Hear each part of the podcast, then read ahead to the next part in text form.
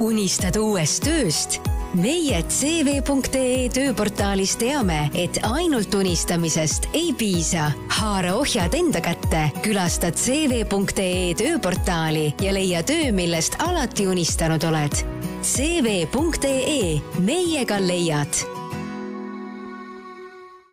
tööelu podcast räägib Eesti tööturu uudiseid. head kuulajad, räägime täna tööstressist ja räägime erinevatest vaimse tervise probleemidest, mis töötajal oma töökohas on ja mul on selleks stuudios kolm naisterahvast, kes kõik omavad ütleme siis niimoodi, et väga põnevat vaadet erinevast nurgast nendele asjadele. mina olen saatejuht Martin Hanson, mul on stuudios CV Online'ist Gertrud Sild, Helmesest Maris Viires ja meeletervise tegevjuht Piia Pedanik me hakkame rääkima täna, nagu ma mainisin, siis äh, tööstressist, noh, ma arvan, et maailmas ei ole inimest, kes ei oleks äh, stressi talunud või tajunud, eks ju. Äh, on see siis tööl, on see kodus, on see kus iganes, eks ju. ja, ja erinevaid vaimse tervise probleeme on meil kõigil, ma kindlasti ennast ei lülita välja sellest nii-öelda nimekirjast ja isegi kui inimesed arvavad, et neil ei ole, siis noh, mingisugune probleem on ikka. nüüd on küsimus, kuidas seda tunnistatakse. ja tööl me veedame väga pika aja oma päevast, oma elust ja, ja tegelikult seal on noh, ka ma võiks, ma arvan, et ma ei eksi, kui ma ütlen, et on üks suurimaid nii-öelda stressi ja niisuguse probleemide allikaid, see on ka rõõmuallikas, on töö, eks ju, aga noh, tegelikult tihti võib ka jamaks minna. aga ma alustaks võib-olla sellest, et äh, mis terviseprobleeme üldse nagu töökohas inimestel tekib? kui saab üldse võtta nii niisugust laialt ja võib-olla ka tobedalt küsida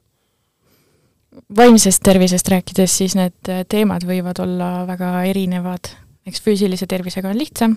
äh, selg valutab või, või pea valutab, et seda on hästi lihtne märgata, aga vaimse tervisega sageli on äh, just see küsimus, et ma ei saa aru, et on mingi muutus toimunud või, või ma ei, ei teadvusta endale, ma ei tunnista seda kuidagi. et tööstress on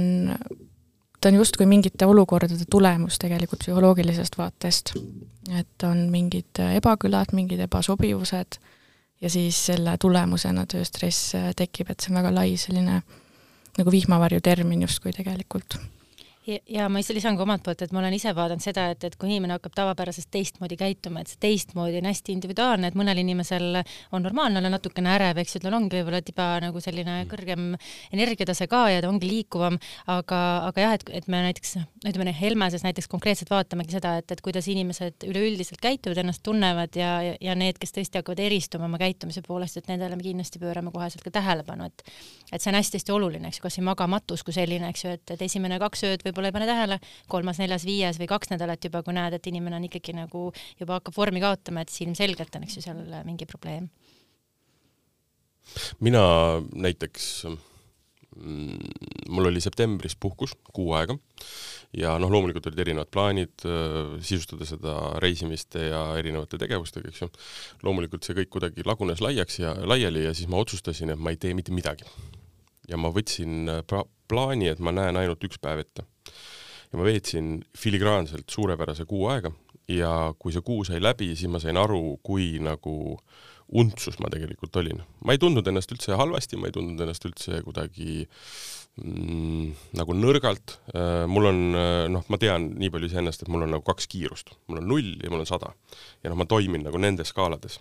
ehk et kui on noh, maksimumstress või noh, selles mõttes maksimumtegevus, maksimum nii-öelda äh, päev on täis topitud erinevaid tegevusi, ma suurepäraselt suudan hakkama saada ja see ei tekita minus nagu probleeme, ma magan hästi, ma toitun hästi, ma teen sinna vahele sporti, mul on suhted head ja siis on see null, nii et kui ma ei tee mitte midagi, aga seal vahepeal, seal hakkavad asjad nagu väga nii-öelda nagu lappama, eks ju.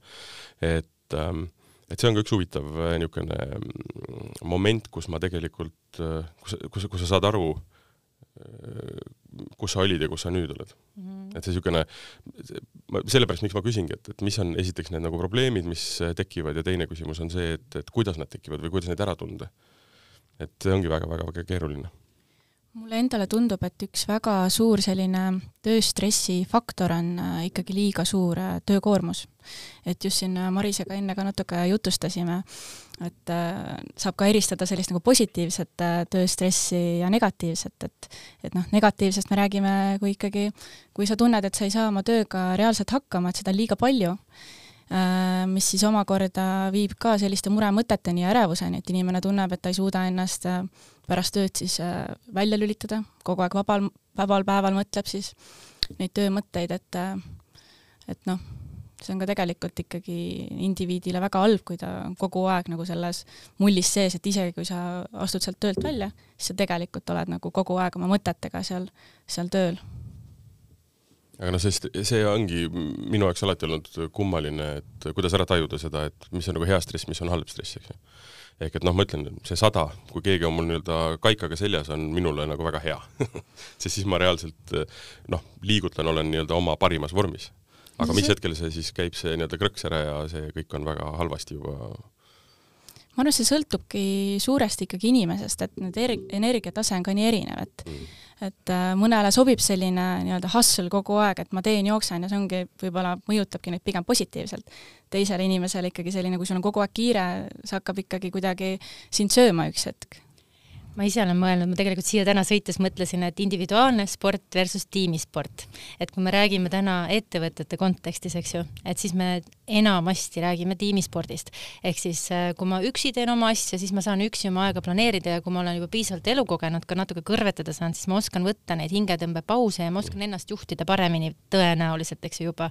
aga kui ma nüüd olen tiimisportlane, siis äh, minu arust seal on hästi suur riskifaktor ja noh, võib-olla ka Piia oskab tuua näiteid, eks ju, seal, et et ähm, tiimis on see, et mina planeerin oma töövoogu ja teised planeerivad ka mulle oma töövoogu. Ja, ja tiimi tugevus sõltub sellest, kui palju tiim suudab ka nõrgemat, noh, nii-öelda mitte nõrgemate lülidega, aga ütleme nii-öelda siis arvestada kõikide lülidega. Ja, ja üks tempo ei sobi kõigile, eks ju. et mina näen, et üks suur stressiallikas on see, et me proovime seda üldtempot, tiimitempot siis üle viia nii-öelda üksikindiviidile. Ja seal lähevad tihtilugu need indiviidid täitsa ribadeks. Ja, ja ongi keeruline, eks ju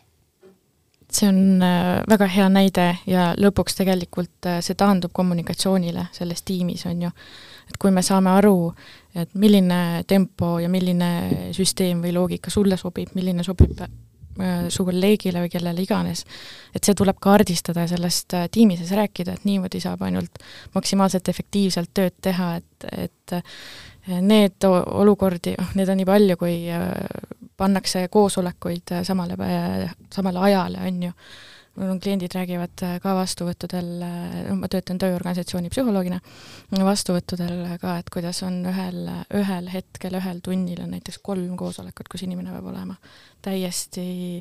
täiesti selline mõistetamatu, on ju, et aga see, kuidas organisatsioonis, noh, organisatsioon laiemalt ka tiim, eks, kuidas seal on need kokkulepped kommunikatsiooni osas tehtud, et mis on, mis on normaalne või mis ei ole, et see on hästi oluline, see kommunikatsioon? Aga Maris tõstatas tegelikult hästi olulise küsimuse ja see on nii-öelda vanuse küsimus või kogemuse küsimus. Ähm, kui sa oled äh, noor ja loll ja tahad ennast tõestada, siis on sul energiat. Ja vaimse tervise probleem äh, on väga noh, noh, ütleme üldises spektris on nagu äh, ei ole, ei ole nagu, ei näita ennast välja, eks ju. ja siis oled sa seal kuskil nii-öelda vanemas osas, noh, mina sain äsja nelikümmend ja noh, usu mind, seda ei juhtu, et mul on ühel ajal kolm koosolekut. või tähendab, isegi nad võivad olla, mul ei tekita mitte ühtegi probleemi see, et ma kahes ei ole. see ei ole enam, noh, see ei tekita minu stressi, sellepärast et täpselt see kogemus, see ma ei tea, on see siis heas mõttes nagu ükskõiksus või enda nii-öelda väärtuse tunnetamine äh, siis tekib küsimus, et kas siis kõige ohtlikumas äh, spektris ongi inimesed seal kuskil kolmekümnendatel, kus nad tegelikult jäävad sinna vahele, kus tervis hakkab see natukene, ütleme, järgi andma, aga samas niisugune meeletu teostamise või, või ütleme, tõestamise vajadus ja surnuks töötamise nagu moment on ka veel olemas. Ma näen tegelikult seda nooremate hulgas ka, et äh, ma võib-olla sõnastaks seda enda kogemuse pealt nii, et äh,, et äh, juhtimise tarkusest sõltub, juhtide tarkusest sõltub. Ja juht ei ole alati see, kes juhib meeskonda, vaid juht võib olla jällegi meeskonnas minu arust see üksik indiviid, kes on see entukas näiteks või kes ongi see kõrge energiatasemega tüüp või kellel on antud ka otsustusõigus, tihtilugu tiimides on need müügiinimesed näiteks või, või ärijuhid on ju, et kes lähevadki kasumit koju tooma. Ja nüüd see nende drive, noh, see ongi nii tugev, eks ju, et see toob selle laadungi siis nii-öelda teistele õue peale. Ja nüüd on see küsimus, et kas inimesed oskavad ennast juhtida, ennast ka kehtestada või nad ei oska ja ma arvan, et see on nüüd see, et mina nimetan seda mõnikord tubli tüdruku sündroomiks, et sul on see, et äh, tule, tee, ole, sa pead, eks ju, olema tubli, et seda näeb nii meeste kui naiste hulgas tegelikult, aga et, äh, et jah, tõesti oskus öelda ka nagu ei, et see on minu arust see, mida sa räägid, et sa oskad öelda ei, et ma ei taha ja mul on tegelikult ükskõik, vaata, sest midagi ei juhtu, kui ma ei lähe nüüd nendele kahele, aga osade jaoks on ikka katastroof. jah, see ei ole isegi võib-olla, et ükskõik on, vaid sa oskad äh, väljendada ennast selgelt, et noh, et, et see on nonsenss. Noh, ma ei tule sellega kaasa ja sa ei suuda mulle selgeks teha, et ma pean olema kolmes kohas korraga, eks ju mm -hmm.. et noh, et, et ma mäletan aegu, kus ma selgelt tajusin, et äh, ma peaks olema, ma kedagi nagu vean alt ja tegelikult ma ikkagi suudan ka. noh, tegelikult on see nonsenss. nüüd ma lihtsalt oskan väljendada ennast ja teha, teha selgeks, et see ei ole minu poolt vaates nii-öelda okei okay,, onju et see on ka tegelikult üks hästi oluline nüanss, nagu sa kommunikatsiooni mainisid, et äh, kas on siis ühelt poolt hirm või oskamatus või tahtmatus nii-öelda väljendada seda, et noh, ma olen üks ja minu aeg on üks. et siis kuidagi üritame selles skaalas nagu hakkama saada, eks ju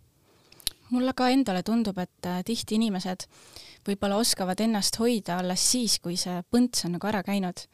et äh, noh, isiklikust kogemusest rääkides, et äh, kuigi ma olen ka üsna see noor ja sellises vanuses, et kus tegelikult ju võiks täiega hagu anda, siis äh, ka kuna olen minevikus kokku puutunud vaimse tervise häiretega, siis siis ka kindlasti on kogu aeg see mentaliteet minus, et mina olen ikkagi enda elus number üks ja see töö on ka oluline, et muidugi ma teen oma tööd nii hästi, kui ma, kui ma saan, aga ma ei hakka seda tegema kuidagi enda tervise, füüsilise tervise ega vaimse tervise arvelt. Mm no stress on niisugune noh, ongi üldine suurem äh, termin, aga Piia, ma küsiks seda, et äh, mis on võib-olla konkreetsed äh, nagu probleemid, millega on tuldud või mis, mis nagu paistavad välja, noh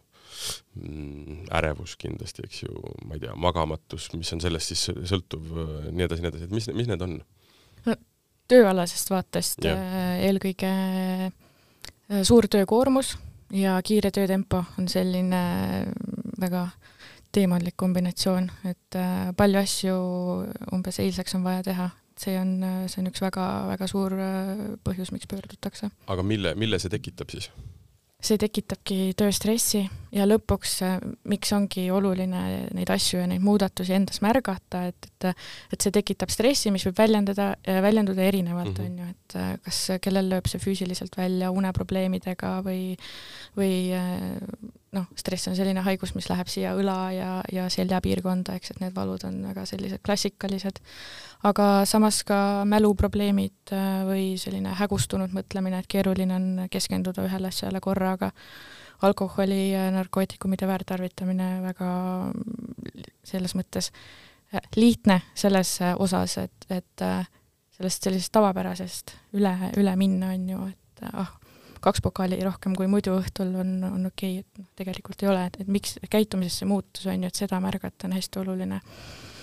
aga neid äh, põhjuseid on, äh, on tõesti väga mitmeid, miks, miks see stress võib või selleni võib lõpuks jõuda, et äh, on negatiivsed suhted kollektiivis. eriti raske siis, kui see on näiteks enda otsese juhiga või, või kolleegiga, kellega igapäevaselt pead külg külje kõrval töötama, on ju, et kuidas siis neid lahendada. ja taaskord see on nii nende inimeste vaheline küsimus, eks, et seda avalikult, või noh, avalikult selles mõttes, et omavahel äh, arutada ja, ja ka siis tööandja, et saaks kuidagi noh, ma ei tea, mingid lepitusnõustamised või kuidagi selle olukorra, olukorra niimoodi leevendada, et see ei tekitaks rohkem pingeid. et äh, neid ähm, põhjuseid on jah, on äh, kahjuks liiga palju, liiga erinevaid. ma ei tea, mis kaardid mulle jagati, aga ma mulle, mulle ja ma, ma möönan, et äh, ma olen võib-olla selles mõttes hästi õnnelik inimene, aga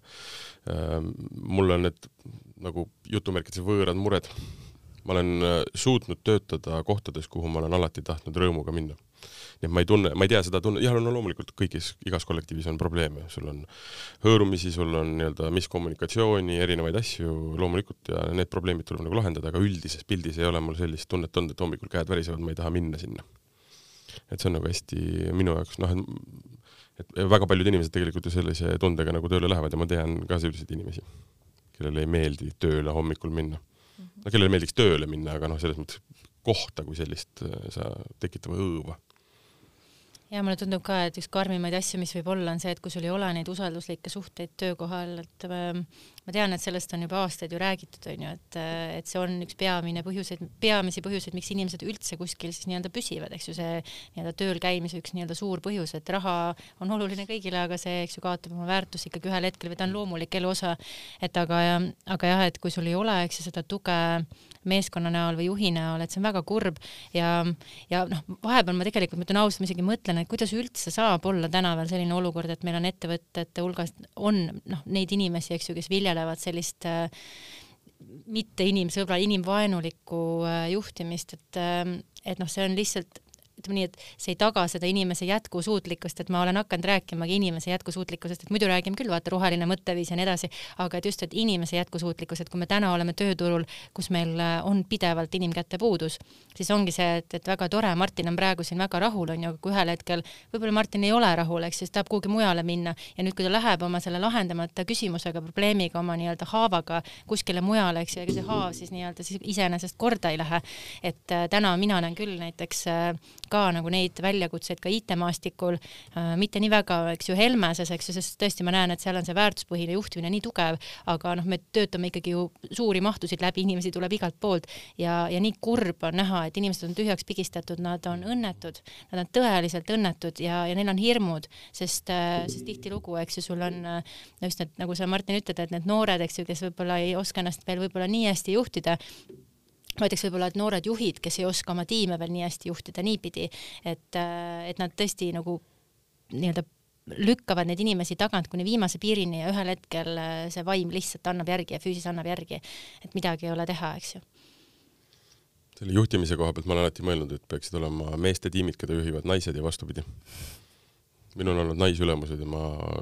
jumaldan seda mm. -hmm. mul ei ole kunagi probleeme olnud, noh, järjekordselt räägime siin suurtest võib-olla fundamentaalsetest muredest, eks ju. kuidagi, kuidagi on alati olnud hästi sellega. ja see ka annab väga palju juurde sellele, et sul on ka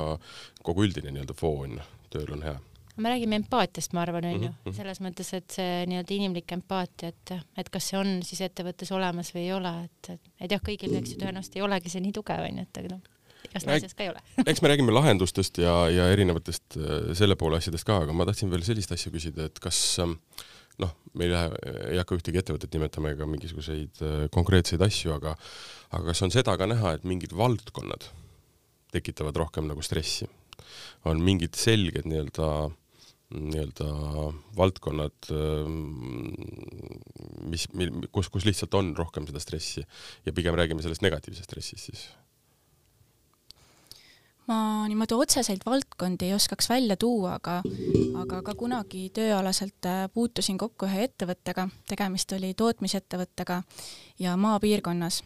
ja, ja seal tekitaski probleemi tegelikult see, et, äh, et äh, maapiirkondades on väga vähe nii-öelda valikuid töökohtadeks. Ja tihti inimesed lihtsalt peavad minema sinna tööle, kus, kus neil võimalik on, et sa ei saa tegelikult valida ja, ja see, ma nägin, tekitas nendes töötajates väga suurt äh, frustratsiooni. et äh, et lihtsalt sa peadki tegema, peadki ühesõnaga hommikul ärkama ja minema kuskile, kus sa tegelikult ei taha olla, sellepärast et siis nii-öelda äh, leiva lauale tuua, et et kurb on näha sellist asja. nojah, see on niisugune geograafilise või geomajanduse nagu probleem, et seal paratamatult ei ole vahel nagu midagi teha isegi, sellepärast et niisuguseid monofunktsionaalseid linnu äh, noh, meil on nüüd vähemaks jäänud, aga noh, seal lihtsalt ei olegi midagi teha. jõuga, jõuga seda ei tee, aga kui me räägime ühes nii-öelda ettevõttes või üksuses, noh, seal on suhted hästi-hästi nagu selgelt määratlevad, määratletavad et äh, seal on hea, hea vaadata seda siuke, ma olen alati mõelnud sellega, et selle peale, et, et kui sa oled tööl kuskil ühes mingis ettevõttes, siis kuidagi mm, kaob ära perspektiiv et väljaspool on ka maailm. Ehk et sa elad oma väikses mullis, see on sinu maailm, kui keegi sulle ütleb seal, et sa oled noh, sa oled saast või sa oled geenius, onju, sa täpselt nii mõtledki, et see ongi, kõik maailmas inimesed arvavad niimoodi ja siis on sul seesama ja ma, noh, me jõuame, me rääkisime ka nendest hirmudest, mis tekitavad stressi ja siis tekivadki eh, need hirmud kiiresti, et aga kuhu mul ikka minna on. aga tegelikult on minna kuhu iganes ja kui sa hakkad laia, niimoodi laialt mõtlema, siis tegelikult see nagu peaks seda fooni kohe vähendama. Aga noh, inimesed ei mõtle selliselt, inimesed käituvad ja mõtlevad hoopis teistmoodi, paaniliselt alati. Ja ma tahtsin öelda tegelikult kõrvale veel selle teise mõtte, et kui sul on jälle väga palju valikut, siis on teistpidi see suur stress, et see on see, mida meie näiteks tehnoloogia valdkonnas täna näeme, et inimesed on väga-väga võimekad, väga võimekad, nad põhimõtteliselt võiksid töötada mis iganes valdkonnas ja võib-olla kohati ka mis iganes äh, tööposti peal. et aga see ka, et, et neid nii palju tahetakse, et see, et on meeletu nõudlus, noh näiteks tõesti arendajate järele, eks ju, turul Ehm, ja mitte ainult kohalikul turul, globaalsel turul, et täna meid jahivad juba, meie inimesi jahivad ju teised äh, riigid, eks ju. et pole vahet, kus sa enam oled. et, et see, et siin nagu, sul on kogu aeg nagu kosilased ukse taga, et see on ka meeletu stress ja sa pead ütlema ei, ei, ei ja lõpuks tundma ära, et oot, aga mida ma siis üldse tahan teha. -hmm. et, äh, et see on jah, see on nagu omapärane natuke teine nurk, onju. Siivi Onnani oli ka üks uuring, mis tegelikult sama teemat äh ka tegelikult ju nii-öelda uuris ja, ja siis kajastas, et ähm, mul tekkis selle koha pealt äh, see küsimus, et kas see uuring näitas kätte ka midagi sellist, et äh, kui palju on kasvanud, ütleme siis ma eeldan, et ainus viis, kuidas seda ju teada saada, on see, et keegi läheb arsti juurde või nii-öelda ütleb, et mul on mure. Ehm, et kui palju on võib-olla tõusnud näiteks mingisuguste probleemide nagu tunnistamine või nende arv ja siis teine küsimus, mis tegelikult on sellest ju nagu lähtuv, on, on see, et kas need numbrid on suurenenud tänu sellele, et tegelikult on rohkem probleeme või on need numbrid suuremad sellepärast, et me tunnistame seda probleemi. mul on tunne, et vaimsed, vaimse tervise probleemid ei ole enam selline tabuteema. Et see on, noh, ühesõnaga ma ei tahaks, et see läheb sinna, et ta on nüüd ka cool, et mul on mingisugune jama küljes, et vaata noh, ma olen nagu ka äge aga, aga, aga noh, pigem olgu see, kui siis, et me absoluutselt nii-öelda ei, ei räägi sellest. aga ühesõnaga, et äh, see uuring, kas äh, see leidis, äh, et on need probleemid nagu suurenenud viimasel ajal? jah, tegelikult küll, et viisime siis ka eelmisel aastal analoogset uuringut läbi, et töötajate vaimne tervis ja kui eelmisel aastal oli siis nii-öelda see osakaal inimestest, kes äh, siis ise ütlesid, et jah, et neil on diagnoositud vaimse ter-, tervisehäired, et see oli neliteist protsenti, et äh, et sellel aastal see oli üheksateist, et äh, noh, tegelikult suur kasv, et justkui viiendik siis nii-öelda töötajatest. aga nüüd see, kas, kas, kas, kas neid probleeme on tekkinud juurde, et ma, ma tegelikult arvan, et, et on ja just ka nagu töö, töö seisukohast, et ikkagi see Covid kriis et äh, kui terves ühiskonnas on, on see selline suur murefoon üleval, et siis see tegelikult paratamatult ju mõjutab ka töötajaid. et just kas siis hirm töö kaotuse pärast äh, või siis äh, ka näiteks kodukontoris töötamine, et et väga suur osa siis kontoritöötajatest ju tegelikult töötas, ma arvan, et viimase aasta jooksul väga palju kodukontorist. et võib-olla alg-, alguses see oli selline positiivne asi, et okei okay,, jee, et tekkis äh, paljudele võimalus selleks, äh, kellel varem ei olnud seda võimalust. aga ikkagi selline pidev üksinda olek, pidev äh, nii-öelda üksinda töö tegemine, et see kindlasti väga palju vähendas sellist meeskonnatööd ja tiimitööd ja samamoodi vähenes selline otsene ja vahetu suhtlus kolleegidega, just selline võib-olla igapäevastel teemadel suhtlus. et ma arvan, et sellist üksinda olekut ja üksindustunnet on, on hetkel nagu töötajates hästi palju jah, mina olen absoluutselt sellega nõus, kõik see, mis on toimunud siin koroonaga äh, seonduvalt ja vaimse tervisega just äh, noh, töötajatest rääkides, see on äh, väga kriitiline tegelikult. et kodukontor või kaugtöö üldiselt on juba isoleeriv tegevus oma meeskonnast ja, ja see on pikas, sellises pikas vaates on hästi keeruline ikkagi, et eh, nii tiimijuhi või ettevõttejuhi tasandil kui ka selle inimese, kes seal üksinda siis toimetab kuskil virtuaalses meeskonnas, et et nii palju neid muid tegureid, mis Äh, mis, mis seda olukorda veel keerulisemaks ja raskemaks inimesele teevad, et ei olegi võib-olla kellegagi rääkida. Ja sa ei näegi füüsiliselt võib-olla kedagi teist, kui inimene ka üksi elab, eks, et et see kindlasti on väga raske või siis vastupidi, kellel on suured pered kodus ja ei ole võimalik vaikuses või mõtestatult niimoodi kontsentreerida oma tööle, sest et keegi sõidab oma küsimusega sisse või laps tahab midagi ja siis kass jookseb kuskilt arvutist üle ja noh, kõik need sellised juhtumid on ju, et see on teistpidi nii frustreeriv, et, et äh, ja lisaks ja juurde tuleb veel see aspekt, et see on nii pikaajaline, see on hästi kurnav inimestele tegelikult. et äh, seda on päris äh, hästi kurb on näha. ega ta ühelt poolt see koroona on äh, siis äh, piltlikult tekitanud nagu kaks asja. Äh, üks nendest on negatiivne, teine on pigem nagu positiivne, kui seda saab positiivseks nimetada. negatiivne on see, et jah, ta on selgelt nii-öelda läbi nende samade põhjuste suurendanud seda stressi ja läbi selle erinevaid vaimse tervise probleeme. teine asi, mida ma võib-olla pigem paneks plussi poole peal, on see, et kuna nad on võimendunud, siis me julgeme neist rääkida et äh, tegelikult ei võeta neid enam kui sellist äh, nagu tabuteemat, eks ju, et noh, probleem on selgelt majas. kui enne teda sai veel võib-olla peita pokaali või siis äh, pokaali veini või siis nagu viisteist minutit rohkem trenniga või noh, millega iganes, siis täna ei ole seda enam võimalik kindlasti siit kerkisid pinnale ka sellised kommunikatsiooniprobleemid, et et kui varem oligi kuidagi saadi need asjad nii-öelda aetud, siis kodukontoris töötamisel paratamatult lihtsalt pidi teistmoodi teistmoodi suhtlema, et üldse saaks suheldud, et saaks oma töö tehtud. et äh, see oli, ma arvan, ka üks väga suur valukoht nii-öelda nendele ettevõtetele, kes, kes kaugtöö põhimõttel toimisid aga nüüd tekib see küsimus, et äh, hakkame jõudma tegelikult nii-öelda nende lahenduste pakkumise juurde, eks ju. aga mul tekib see küsimus, et äh, kui probleemid on, nende arvukus on suurenenud, sa ütlesid viis protsenti on tõusnud põhimõtteliselt inimeste arv, kes ütlevad, et neil on diagnoositud vaimne tervis, vaimse tervise häda, seda siis ühe aasta jooksul, siis kas ettevõtted tajuvad seda, kas ettevõtted tunnistavad, et nende töötajatel on probleem? Ja ma oleks usun, vaja astuda mingisuguseid samme? ma usun, et tegelikult mitte, kuna sellest samast uuringust tuli tegelikult välja, et et inimesed ei julge väga rääkida oma probleemidest endiselt et.... ühesõnaga, ma täpsustan ära, et see küsim-, küsitlus oli online põhine, igaüks sai nii-öelda pimesi öelda. just, et mis on aus. jah, just aus. enamasti aus Ena,. enamasti aus, loodame. Versus see, et nad lähevad, mida nad, kuidas nad päriselus käituvad. et äh, tegelikult ei jul-, julgeta ikkagi tunnistada neid probleeme, et äh, et seda on, ma näen endiselt vähe ähm, teisalt võib-olla ei ole ka tööandjad tekitanud sellist keskkonda, kus inimene julgeks rääkida et äh, võib-olla ka tegelikult tööandjad võiksid ise rohkem küsida ja, ja märgata, et et ikka keskendutakse võib-olla rohkem äh, mingitele numbritele, teistele näitajatele, et just nagu Maris enne mainis, seda ini-, inimkesksust on tegelikult vähe. see on jah, põnev, et äh, äh prillid ostetakse nii-öelda töötajale ära ja spordiklubi kaart pannakse pihku, aga tegelikult nii-öelda järgmiste probleemidega tegelikult keegi ei tegele et see on niisugune huvitav ja aga samas, miks ma seda küsin, on see, et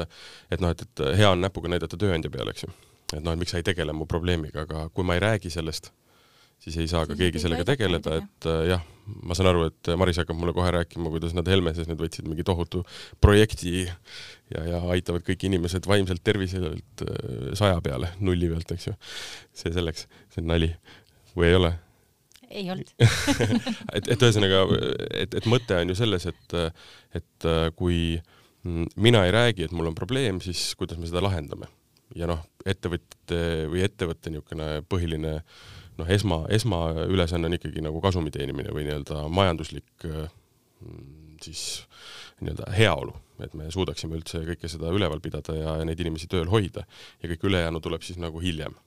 mitte vähem olulisena, aga siiski, eks ju. ja, ja noh,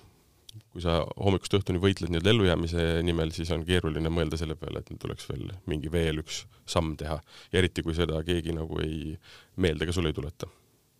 ja võib-olla, ja, ja, ja, ja siit edasi, et järelikult siis ka majanduslikult ei ole nendel ettevõtetel läinud nii halvasti või tänu töötajate nii-öelda langenud efektiivsusele, et ikkagi pusitakse ja surutakse ennast läbi mis jällegi viib meid selle mõtteni, et noh, kuskilt mujalt rebeneb, perest või, või, või, või kuskilt mujalt, eks ju. vaikus ja nii palju mõtteid. pani mõtlema et ma lihtsalt ise täiendan sinu mõtte peale, sest mõtlesin selle peale jooksvalt, et äh, sa ütlesid, vaata kasum, eks ju, et tõesti enamikel ettevõtetel ongi see, et, et mille jaoks me eksisteerime, eks ju, mis meie edukuse long term tagab ja ja tõesti mõtestatakse nii-öelda, pannakse numbrilised eesmärgid, aga seal on väga sageli puudu see balansi koht, et kui me räägime, et me oleme rohkem kui lihtsalt see tööroll on ju, et me oleme kodus ka pered ja nii edasi, äris on täpselt sama, et äh, seepärast ma olengi kohati hämmingus, et, et äh, miks ei ole ettevõtetel eraldi fookus seatud inimeste heaolule, ehk siis meil on, kui me ütlemegi, et see meie jaoks oluline, siis ta peab ju väljenduma kuidagi mingite tegevustega, et nad on ka kõik mõõdetavad. Eh, samamoodi, eks ju, väärtused, et noh, ma räägin, et see on nii ära leierdatud, et igal ettevõttel peaaegu on, eks ju, aga enamasti need on kuskil sõnad eh, mingil koduleheküljel või kuskil trükimaterjali peal. aga, aga see, et tõesti, kuidas need väärtused väljenduvad, et et mulle tundub, et ei olda harjutud mõtlema selle peale, et tõesti see, et, et ma täna olen siin ja ma räägin ja ma mõtlen ka, et, et kas need väärtused, mida ma oluliseks pean, et kas nad on minu sees olemas või ei ole, on ju, et kuidas ma midagi ütlen ja teen. et, et selles mõttes see tasakaal jah, et, et meil mm. on kasum ja siis meil peaks olema ka inimeste heaolu, see nende enesetunne selle keskel täpselt sama olulisel kohal. ainult nii siis ka juhid tegelikult ju ka ennast taltsutavad, eks ju, ehm, kui nad lähevad tulemusi koju tooma ja teisalt see on ju ka omavahel tegelikult seotud, et et see nii-öelda vaimse häirediagnoosiga inimene, tal on ju väga keeruline tegelikult teha oma tööd, kui nii suur osa tema energiast ja fookusest tegelikult läheb iseenda peale, sinna pusimisele, et et kuidas ma iseendaga hakkama saan, et kui ettevõte võib-olla oma, omalt poolt panustaks, siis tegelikult see toob ju hiljem sellele ettevõttele mm. tagasi, et kui tema töötajad on õnnelikud ja terved see on äh, üks trend tegelikult, mis on nüüd vaikselt, äh, vaikselt esile kerkimas, et äh, juhtkonna tasandil mõistetakse seda, et mis on see return on investment vaimsele tervisele panustades, on ju, et et see ei ole lihtsalt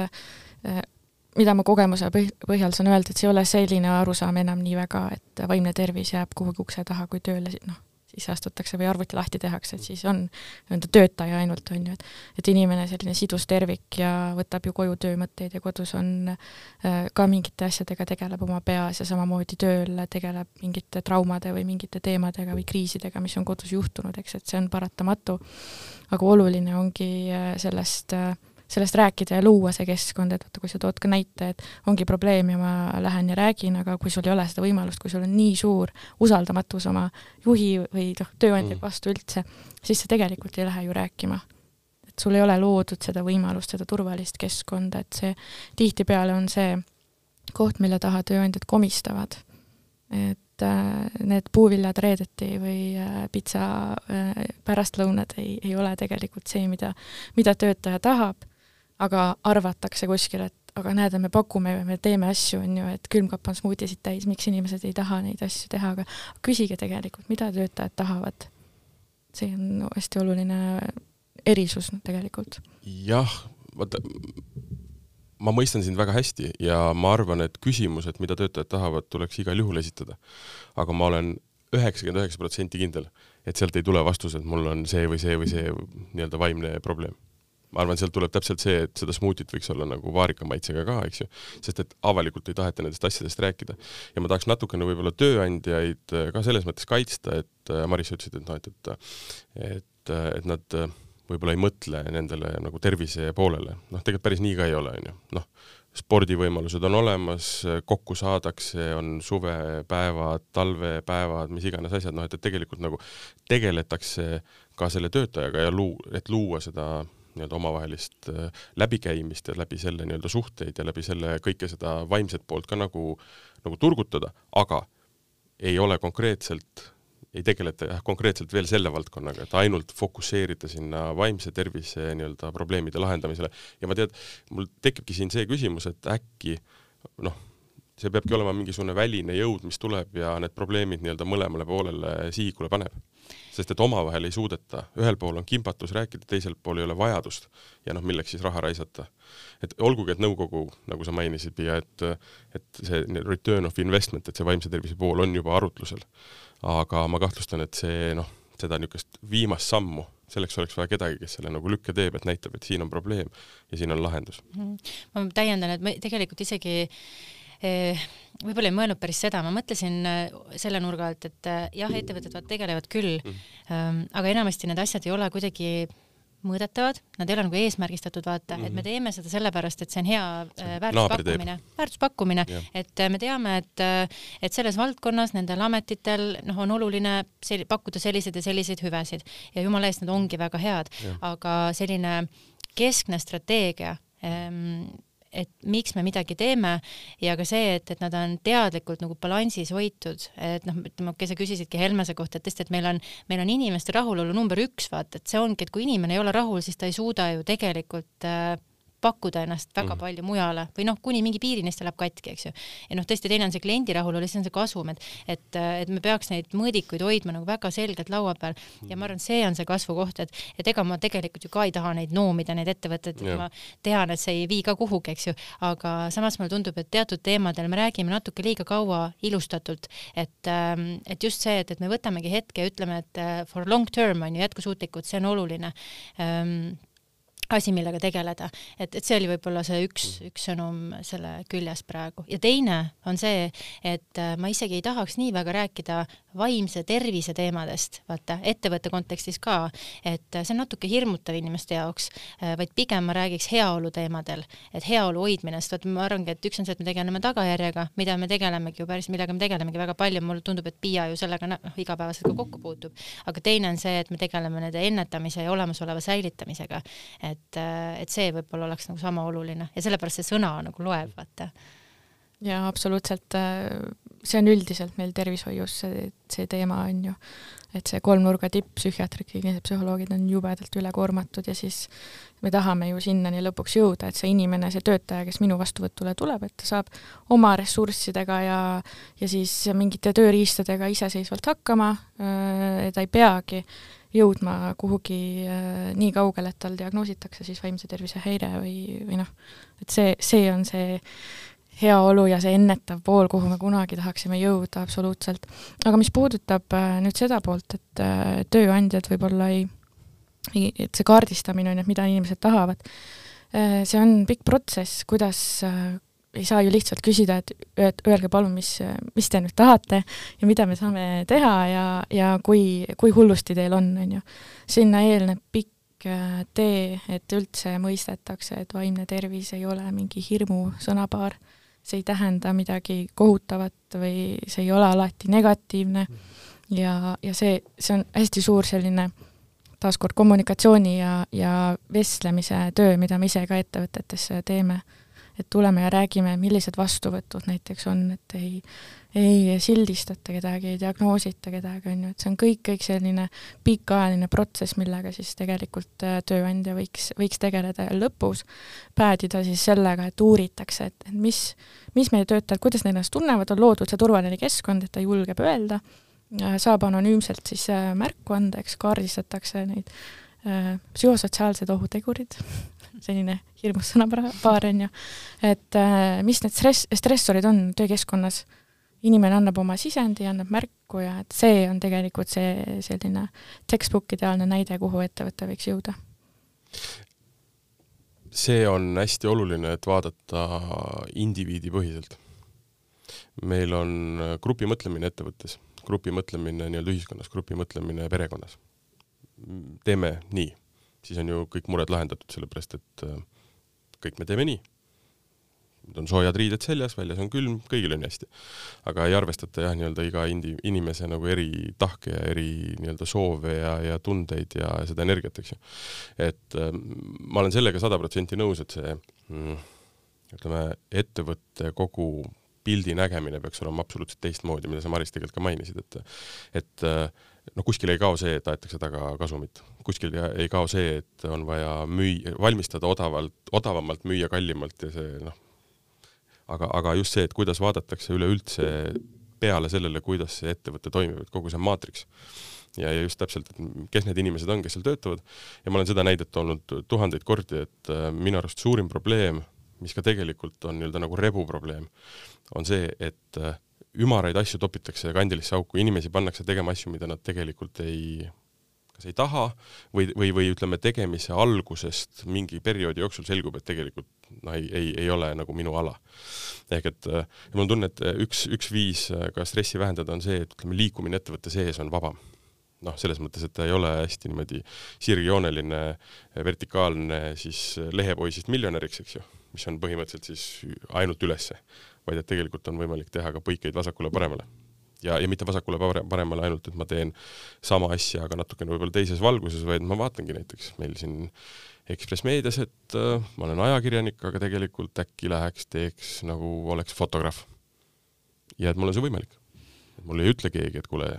oinas, jäta järgi, et noh, meil on siin fotograafe kõvasti, nad teevad kümme korda paremini pilte, võidavad auhindu, sina kirjuta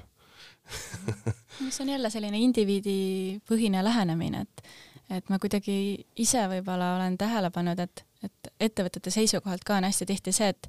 et okei okay,, et selgitame välja, mis on see probleem, mis on see, ma ei tea, vaimne probleem ja kukume seda lahendama. aga võib-olla tihti inimestel ei olegi vaja kohe seda nii-öelda, vaja seda probleemi lahendada, et tihti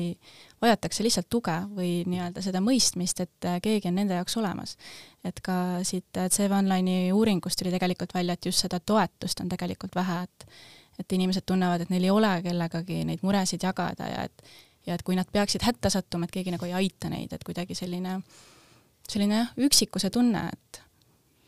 ma ka toon jälle, ma, olen ka, just ütlesid, et, et tuhandeid kordi oled rääkinud, mul on ka üks märksõna, millega ma tuhandeid kordi vist olen igal pool sõna võtnud ja ma arvan, et Gertrud seda vast teab ka, et ähm, et ma räägin kogu aeg haavatavusest, et see on minu nagu täiesti baasuskumus, et, et kui me räägime täna suhetest, et siis äh, su, kui me tahame, et suhted, kaasa arvatud tööalased suhted toimiksid, siis me peaksime ennast tegema haavatavaks. ja, ja see on nüüd see nii-öelda jälle see juhtide tasand samamoodi, et, et kus see siis algab, eks ju, et et keegi peab justkui nagu otsa lahti tegema ja ma arvan, et juhtidel on see roll täna olla ise eeskuju ja teha see ots lahti ja tullagi tööle ja rääkidagi, et äh, teate, et äh, täna olen ikka tohutult väsinud, et ma ei saanud öösel üldse magama, magada, et mul, äh, ma ei tea, lapsed karjusid või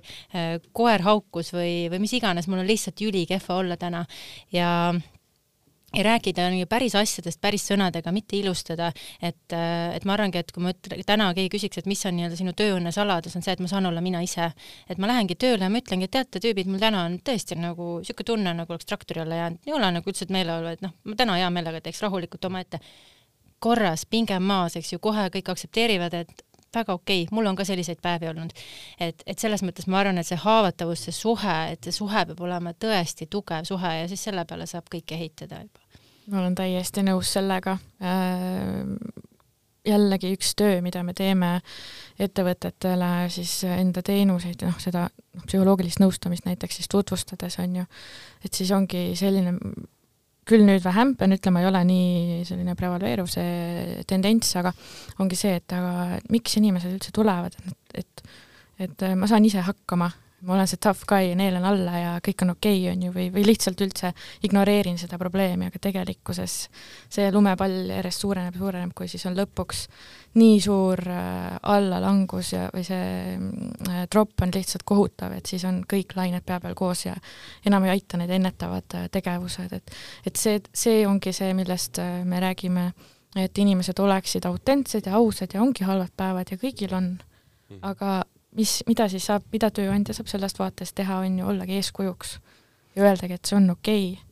ja, ja sellega arvestada.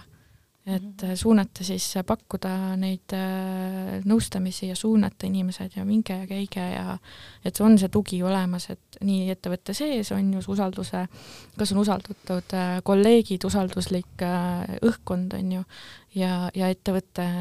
ettevõttest väljaspool siis ongi need vaimse tervise teemadel partnerid see on nii oluline. Ja ma lisan veel ühe mõtte, mis me lihtsalt äh, ka Helmeses arutasime eelmine nädal päris palju, et et vaata, kus me räägime pehmetest oskustest näiteks, et kuskilt on tulnud nagu sõna-paar pehmed oskused. Ja noh, nende hulgas me siis saame näiteks kuulamisoskust, eks ju, enesereflektsiooni oskust, need on noh, ütleme mõned, eks ju, et, et need on nüüd pehmed ja tead, olgem ausad, need on, on väga kõvad oskused.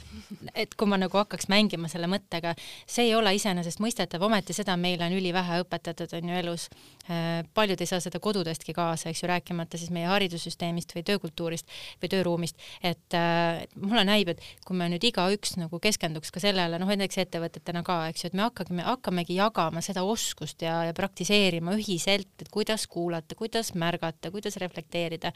et äh, siis peaks juba paremaks minema kogu see, kuidas rääkida endast lihtsalt kasvõi, eks ju see on hea point, ma arvan, et äh, kui ma võtan sada inimest, annan neile igale ühele kätte äh, kirve või siis äh, näiteks haamri, siis ma suudan neist sada protsenti kõik tunni ajaga panna seda tööd tegema filigraanselt. see ei ole keeruline. ja see on nii-öelda see raske raske oskus, eks ju mm, -hmm. versus pehme oskus mm, -hmm. kuulamine. aga ma tahtsin enne või mainida ühe asja veel, mis mulle tundub, et on hästi suur probleem ja see tuli ka ühest sellest, ma ei mäleta, kes teist seda mainis, aga et Gertrud vist, et me jääme üksi tihti ja meil ei ole kellegagi rääkida. ja minu niisugune kogemus ütleb mulle seda, et üks hästi oluline probleem on ka see, et meie juhid, vahejuhid, keskastme juhid, kes iganes seal kuskil on, A ei sobi sinna, B äh, nad on pandud juhiks. Ja see ei ole nüüd ka konkreetse selle inimese probleem, see on pigem selle ametikoha või selle ettevõtte mis iganes loogika probleem, on see, et äh, inimesed on pandud juhtima mingisugust üksust, aga neile on jäetud alles nende enda töö. ja see on hästi suur probleem, mis tähendab seda, et nüüd see inimene juhib mingit meeskonda ja nüüd ta teeb ka oma tööd või siis vastupidi, ta tahab teha oma tööd, aga ta tahab ka juhtida. ja see on väga-väga suur probleem, sellepärast et ülemuse ainus, ainus ülesanne, tal ei ole maailmas muud, kui ta astub nii-öelda tööle sisse, tal on ainult üks nii-öelda ülesanne ja see on tagada selle, et tema meeskonna töötajad saaksid teha tööd ilma ühegi probleemita. sa ei kirjuta midagi, sa ei võta seda nii-öelda kirvest kätte, sa ei lähe hakka mingisugust nagu projekti looma, ei sinu töö on vaadata igale ühele inimesele hommikust õhtuni otsa nii-öelda piltlikult ja selgitada välja, mis on tema probleemid ja need lahendada.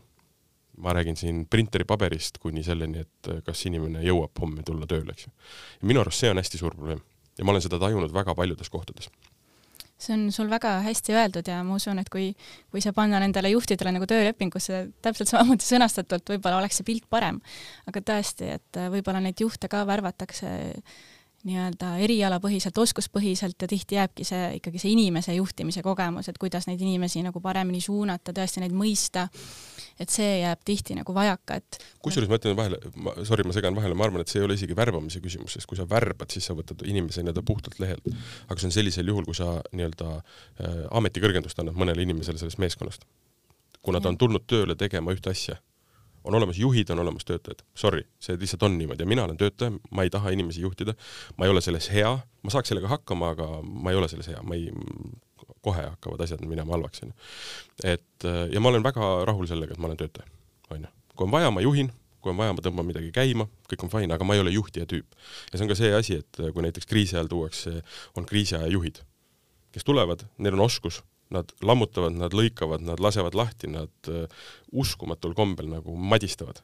ja lõpuks panevad selle nii-öelda ettevõtte uuesti kokku ja ta on terve, ta on, jääb ellu ja kõik on okei okay.. ja siis ta läheb ära, ta läheb järgmisse kohta. ja siis tuleb see juht, kes rahulikult selle asjaga nagu edasi läheb. ja samamoodi ongi niimoodi, et sa, kui sa oled juht, sa oled juht, kui sa oled töötaja, sa oled töötaja, see on segregatsioon, mis on äh, nõme võib-olla kahekümne esimesel sajandil, aga ütleme oskuste mõttes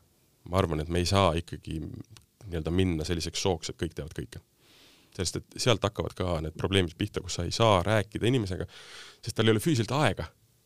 kuna A, ma pean nüüd minema sinna koosolekule, siis ma lähen sinna koosolekule, aga mul on vaja see töö ka ära teha. tema on stressis ja see nii-öelda noh, nagu öeldakse, et et kala mädaneb peast, eks ju, see läheb järjest sinna nagu tema tiimi edasi, kui tema ei ole õnnelik mm. -hmm. ma toon siia ka kaks mõtet juurde kohe sinu mõttele et noh, kuna jällegi see on asi, mida, mida Helmeses on ka palju arutatud ja mille, mille osas on ka tehtud nagu selliseid eksperimente või katsetatud, et millised mudelid siis kõige paremini töötavad, et ähm, et üks nii-öelda uskumus ja noh, reaalne praktika siis on, et ähm, et me avastasime, et tiimid ei saa olla liiga suured, ehk siis üks nii-öelda ohukoht, mis ettevõtetes on tihtilugu, on see, et äh, tiimid äh, lähevad liiga suureks, neid ongi keeruline juhtida, sa ei jõua iga inimeseni ja siis inimesed tunnevadki, et nad jäetakse üksi, eks ju, ja, ja lähebki lappesse. ehk siis äh, noh, praegu näiteks Helmese loogika on täna siis selline, et, et suure tiimi all on väikesed tiimid, igas tiimis on ärikriitilised rollid, igat tiimi juhib tiimijuht ja need on kuni kümme inimest keskmiselt. et eh, ehk siis see üks juht siis jõuab iga inimeseni. Ehm, pluss jah, sa tõid nagu hea aspekti vaata, et justkui nagu inimene siis ei teeks neid teisi asju, aga samas, mida me näeme täna ehm, ja see ei ole mitte Helmese müts, vaid üleüldine müts, on see, et eh, tööturul inimesed otsivad ka selliseid mitmekesiseid rolle endale, kus nad saavad oma potentsiaali nii-öelda siis täismahus avada avada ja, ja see on see, et, et ma tahaks natuke ka seal nii-öelda põllu peal olla ka nagu teha midagi ja noh, nähagi oma töö tulemust, sest noh, inimeste puhul sa tihtilugu ei näe ka oma töö vilju, vaata. ehk siis nagu soov on ikkagi kuidagi balansseerida neid rolle, aga lihtsalt need peavad olema mõistliku suurusega tiimid, et see on, ma arvan, suurim asi, mis on täna nagu minu jaoks probleemina, kui ma vaatan ettevõtteid äh, ja neid koosseise ja juhtimismudeleid.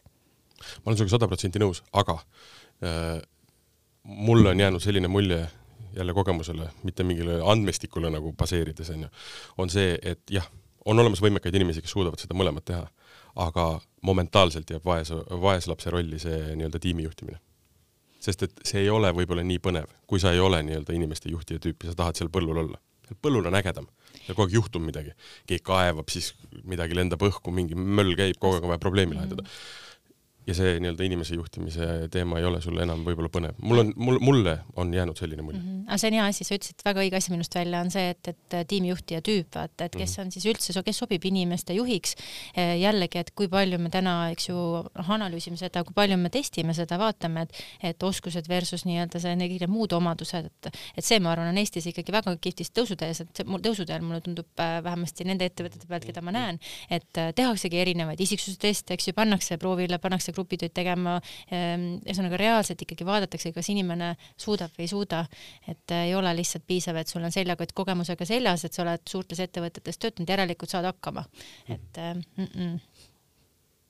ja minu meelest ka õnneks ei ole enam seda nii palju, et hea spetsialist võrdub hea juht, et kui sa oled supertöö tegija, on ju, siis äh, võid kohe ametikõrgendust saada, et ja see tähendab tegelikult, et ta ei ole enam nii hea spetsialist, on ju, sest tal on muu roll et siin äh, ka, kui äh, äh, ma arvan, et kui inimene ongi sellises rollis, et ta peab tegema nii juhtimisalaseid ülesandeid kui mingeid sisutöö ülesandeid, et siis piiritleda need osakaalud väga rigiidselt, on ju, et kas see on fifty-fifty või kuidas see on jagatud, et oleks aega mõlema jaoks. Ja, ja et tal oleks tegelikult need eeldused, et ta on mõlemas rollis hea ja oleks toetatud, et täiendkoolituste ja kõikide selliste asjade näol ka nõudmised töökohale ja inimestele, kellega sa töötad, aina suurenevad. ja see on generatsioonidega, see on aja muutusega, kõikide asjadega.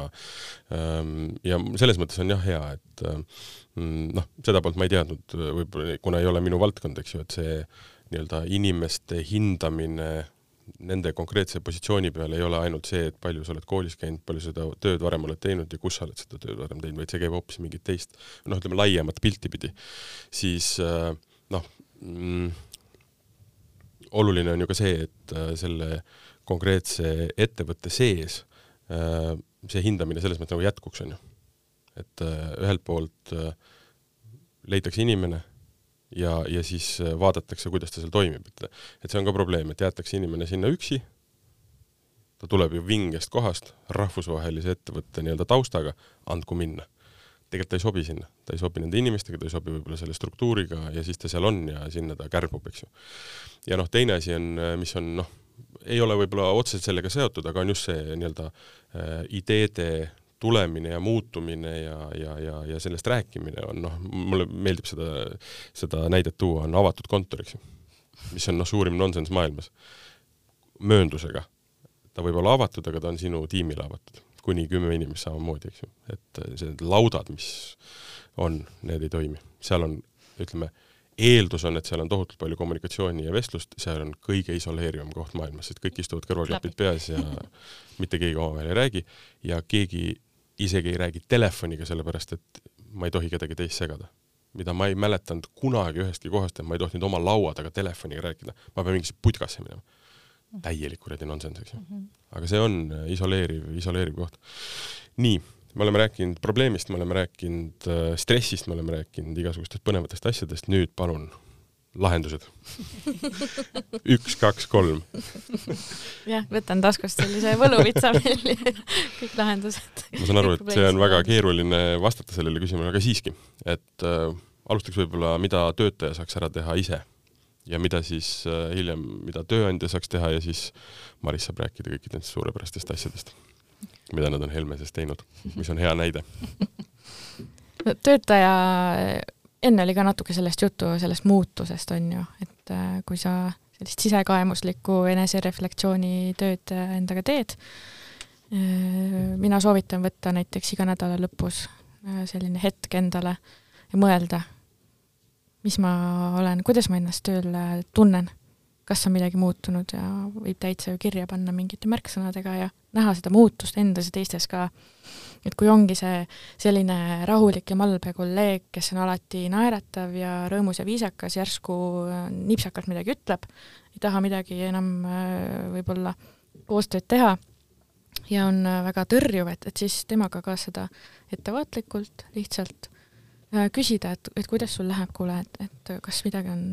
on nihu, on ju. et see on kõige, kõige esimene samm, mida inimene saab ise ära teha ka võib-olla lisaksin, et et hästi lihtne on tõesti võib-olla ka töötaja seisukohast vastutada, tähendab veeretada see vastutus kuidagi kellelegi teisele, aga ma usun, et siinkohal on ka hästi oluline ikkagi see sissepoole vaatamine, et et ja samas ka selline julgus, et ikkagi inimene julgeks tõesti rääkida, kui, kui tal on midagi pahasti, kui tal on see töökoormus liiga suur, kui mingid suhted on halvad, et, et siis nagu tõesti sellest, sellest kommunikeerida, et et ainult niimoodi saab seda olukorda lahendada. mul on tunne, et järgmine noh, ma üritan alati positiivseid asju kõikide nõmedate asjade keskel nagu leida, siis see koroona on toonud ka väga paljude inimeste nii-öelda niisugusesse minapilti või ütleme, teadvusse nii-öelda vastutuse. Ja mitte vastutuse nii-öelda nagu ühiskonna või oma pere ees, aga vastutuse iseenda ees ja, ja iseenda või siis vastutuse läbi iseenda ühiskonna ees, ehk et mina vastutan oma asjadest, mis tähendab seda, et sinna kuulub ka nüüd mitte ainult nii-öelda autoliising ja see, et ma ei, ei varasta, vaid, vaid see, et ma vastutan iseenda tervise eest, ma vastutan enda tervise eest, et see ei ole enam noh, me oleme küll otsustanud, et meil nii-öelda riigis on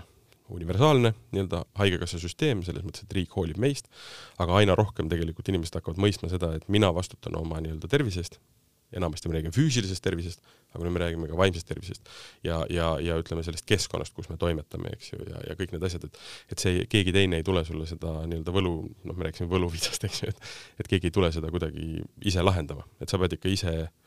rääkima sellest, ise selle eest võitlema. Just, et äh, kuidagi hästi lihtne on alati öelda, et aa, mul on liiga palju tööd, aga samas, mida nagu inimesed tihti ise siis teevad selleks, et, et neil ei oleks seda, seda seda liiga suurt töökoormust, et, et teevad selle palju, ära ja siis tekib meile veel rohkem tööd. et hästi palju kuidagi romantiseeritakse viimasel ajal seda ületöötamist ja seda nagu hustlemist, et mulle endale tundub nagu noorte seas, et äh, mul endal on palju sõpru, et umbes oo, ma olen üheksani tööl ja on see, on see ikka? ikkagi mina näen, et on, et võetakse, võetakse, võetaksegi seda, et see on kuidagi nagu äge, et äh, okei okay,, mul, mul on just jäänud mulje, et see hakkab kaduma võib-olla hakkab kaduma, aga mina endiselt näen seda. siis järelikult et, ei hakka. Äh, siis, siis noh, võib-olla mujal hakkab, minu sõprade seas, aga ma ei tea. Äh, mina mäletan oma nii-öelda esimest, esime-, esimesi päris töökohtasid, siis oli see väga cool tõesti et.... see oli nagu, nagu noh, ikkagi ütleme, positiivne märk, et nüüd sai kaksteist või kuusteist tundi nagu tööd tehtud. mis selle kvaliteet oli, no seda ei mõõda keegi. et siis on tegelikult ju väga lihtne nagu öelda, et aa, mul on tegelikult liiga palju tööd, et et äh, inimene saab ise ka palju ära teha, et tõesti mingisugused notification'id endal kinni keerata, et sul ei tule ikkagi need meilid kogu aeg telefoni sisse, et mm. sa ei ole kakskümmend neli seitse kättesaadav, et muidu sa oled kakskümmend neli seitse kättesaadav ja kogu aeg on ju vingud, et liiga palju tööd, aga aga tegelikult äh, siis lõpuks ongi see, et kelle otsa siis vaadata vaata, see on nüüd üks teema, kuhu mina ei julge minna, sellepärast et me lähme siis veel järgmisse tundi oma jutuga on see, et mismoodi mõjutab äh, nii-öelda mobiiltelefon ja sotsiaalmeedia ja kogu see kamm meid. See on omaette umbes kahepäevase loengu, ma kujutan ette, teema. et see, see on meid kindlasti viinud väga suurde ahastusse, just sellega, et kogu aeg on hirm millestki ilma jääda. ja mhm. isegi kui sul ei ole hirmu millestki ilma jääda, siis on sul hirm selle vastu, et äkki ma ei saa teada, et ma jää, ei jää millestki ilma. see on niisugune vorteks, keeris, millesse on väga-väga lihtne vajuda aga jah, lõpetaksingi siis selle mõttega, et mida, mida ma ise saan ära teha, et seda tööstressi vähendada, et vaadata need punktid üle mm. -hmm. aga ettevõtte pool, mida ettevõte saab ära teha? ma saan aru, vaatab inimestele otsa, hindab neid, et neil, nendel oleks hea olla, neil oleks äh, turvaline, mõnus äh, ja hea. aga, aga võib-olla konkreetsed sammud, mida Helmes on teinud? Jaa, no ütleme nii, et me tegelikult oleme juba aastaid sellesama teemaga tegelenud, ma arvaks, et kümmekond kindlasti täitsa teadlikult äh, viimasel ajal jah rohkem, et üks on tõesti see, et me oleme aru saanud, et me ei saa inimesi kohelda kõiki ühe, ühe puuga või võtta ühe puuga, ehk siis seesama diferentseeritud lähenemine, et, äh, et iga inimene on siis nii-öelda eraldiseisev isik ja vajab eraldiseisvat lähenemist ka ähm,. mõned näited, no üks on see, et me teadlikult teatud teemadest räägime, et meil ei ole ühtegi tabuteemat ähm,. nagu ma ütlesin, et see eeskujuks olemine või see haavatavaks ähm,, nii-öelda see haavatavaks olemine või haavatavus, et et ka juhid räägivad enda muredest, oma tervisest, läbipõlemisest, siin paar aastat tagasi ka enda tegevjuht astus üles ja rääkis oma lugu, et et lihtsalt avada nii-öelda see aken, et, et, et probleemid saaksid inimeste seest välja. teine on see tugivõrgustik, et äh, me oleme täna töötanud välja sisemise ja välimise tugivõrgustiku, et meil on meeskonnas sees, on coach'id, kes saavad siis toetada inimesi ja ka majast väljas on siis nii-öelda välised eksperdid, et et kas selleks on siis nii-öelda psühholoogid või on psühhiaatrid või, või on mentorid ähm, või samamoodi välised coach'id ähm, Äh, usume väga ka selliste nagu buddy programmi, ehk siis, sul on äh, ettevõttes sees, me täna just katsetame niisugust mentorprogrammi, et meil on siis, äh, viime kokku siis meeskonnas sees kaks inimest, eks ju, paarid ja, ja, ja igaüks saabki siis nii-öelda oma väljakutsed panna sinna sinna nii-öelda paberile ja siis meeskonnasiseselt siis nii-öelda oma kolleegiga neid, neid asju siis lahendada mis veel, ma arvan, et äh, siin käis läbi see kodukontori teema ja ma vaatasin ka seda uuringu statistikat, et kui paljud ettevõtted täna võimaldavad kodukontorit. Jah, on neid, kes ei taha, eks ju, aga nüüd küsimus ka, et, et need, kes tahavad, et kas nad saavad ja kas ettevõtted täna ka panustavad ja ma näen, noh, vaata väga palju räägitakse, et noh, IT-valdkond, et nendel läheb ju nii ülihästi ja nemad siin saavad äh, toetada neid inimesi ja makstagi rohkem ja, ja ma ei tea, poputada nii, kus jaksavad. tegelikult ma arvan, et kui me nagu arvutaksime seda, et, et mis juhtub kui me ei tee neid asju või me teeme neid lohakalt, et kui suur see kulu siis on, et tegelikult äh, need äh, mõned sajad või võib-olla paar tuhat eurot äh, paigutadagi selle alla, et inimene saakski kvaliteetselt kodus töötada, eks ju, tal on ergonoomiline, ergonoomilised töövahendid seal kodus, et noh, see ei ole tegelikult päris ausalt, ma arvan, see ei ole ettevõtetele nii hiigelsuur kulu ka. pigem on lihtne öelda, et, et see on suur kulu ja me ei tee seda, eks ju. aga jah, et, et on tagatud nii-öelda see kvaliteetne koht teine, mis me veel oleme teinud, äh, see on täitsa nagu uus lähenemine, et me nüüd hetkel loome vaikset töötsooni, et me saimegi aru, et on, äh, on inimesed, kes tahavad olla rohkem sotsiaalsemad ja suhelda omavahel, on tiimid, kes tahavad olla eraldatud, eks ju, oma tubades ja on inimesed, kes tahavad täielikus vaikuses töötada ka. et siis me teeme sellise vaikuse ruumi, et, et kus tõesti sa saadki ainult iseendaga olla ja kus ei olegi, keegi ei räägi, vaata, et sa ütlesid ka, et see tegelikult läheb närvi teistpidi, aga, aga samas on ka oluline, et sul on see koht ka seal olemas, äh, kus sa saad, eks ju, olla. Ja siis ma arvan, et see, mis minu jutust nagu kogu aeg läbi kumab, on seesama see juhtimise teema, et, et mina päriselt ka usun, et juhtidest algab kõik, et et, et sellepärast ma näengi, et, et juhte tuleb väga hoolikalt valida ja neid tuleb toetada ja noh, seda tõesti Helmes on teinud ja teeb nagu jätkuvalt ähm,. juhid peavad ise olema noh, nii suureks eeskujuks vaata, sest äh, see on see grupi, grupivaim, et kes sul seda gruppi veab, et selle moodi püütakse olla, eks ju, ja kui sul nagu juht ise ikkagi käitub kogu aeg risti vastu, saadab õhtuti näiteks meile või helistab hilja, hilja või, või nõuab ebarealistlikke tulemusi näiteks inimeste käest või annab hinnanguid teiste eest, teiste kohta, eks ju, kõik need sellised halvad käitumisjooned, et noh, siis mida sa ootad, eks ju, lähebki ju kärisema um, et ja no siis ja veel uue teemana ma ütleks, et see, mis hetkel laua peal on selline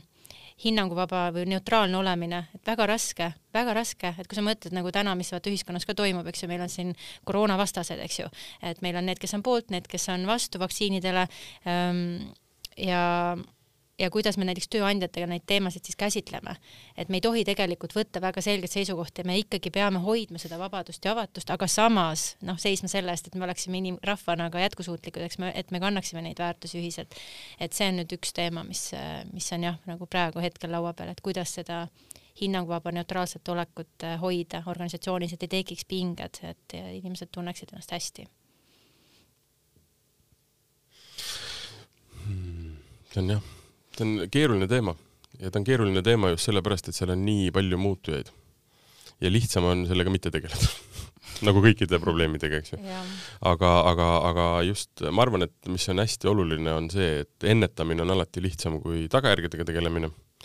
ja tuleb vaadata ikkagi indiviidipõhiselt ja, ja see haavatavuse teema on hästi-hästi oluline. ma võin tuua näite meil siitsamast Ekspress Meediast, kus äh, nimesid nimetamata tuli üks äh, nii-öelda väga ägeda CV-ga inimene tööle, asus, asus lammutama, tegi väga häid asju, aga tuli niisuguse teistsuguse mentaliteediga natukene, niisuguse kõvataja mentaliteediga, kõva mehe mentaliteediga, aga ja mitte kuidagi teda ei üritanud keegi nagu ümber veenda või noh, et käitu teistmoodi, ei, seda venda oli vaja, ta tegi oma tööd väga hästi, aga noh, ütleme, võib-olla olid, no ma ei ütleks, et konfliktid, aga teatavad hõõrumised olid võib-olla lihtsamalt äh, nagu tekkima. Aga inimene nägi ise, mis keskkonnas ta toimetab ja muundus. ja seesama haavatavus tuli juurde ja see lõi hoopis teistsuguse niisuguse nagu fooni nii tema kui tema ülemust või tähendab tema kui tema alluvate ja siis ka ütleme teiste osakondade vahel ja noh, hoopis teistsugune niisugune nagu suhe on mm. -hmm. et niisugune mm, maskuliinne nagu machomehe loogika kadus ja nüüd on palju parem. Ja noh, mind ei ole kunagi huvitanud nii-öelda kõvad või pehmed väärtused, see kõik on üks väärtus mm. -hmm. ehk et noh, ja, ja, ja, ja ütleme nii, et et mulle vaadatakse alati veidralt otsa, kui ma räägin veinide puhul näiteks äh, maskuliinsetest ja siis äh, feminiinsetest või nii-öelda naiselikest veinidest, et aga siiski sellele ma jään kindlaks, seal on teatav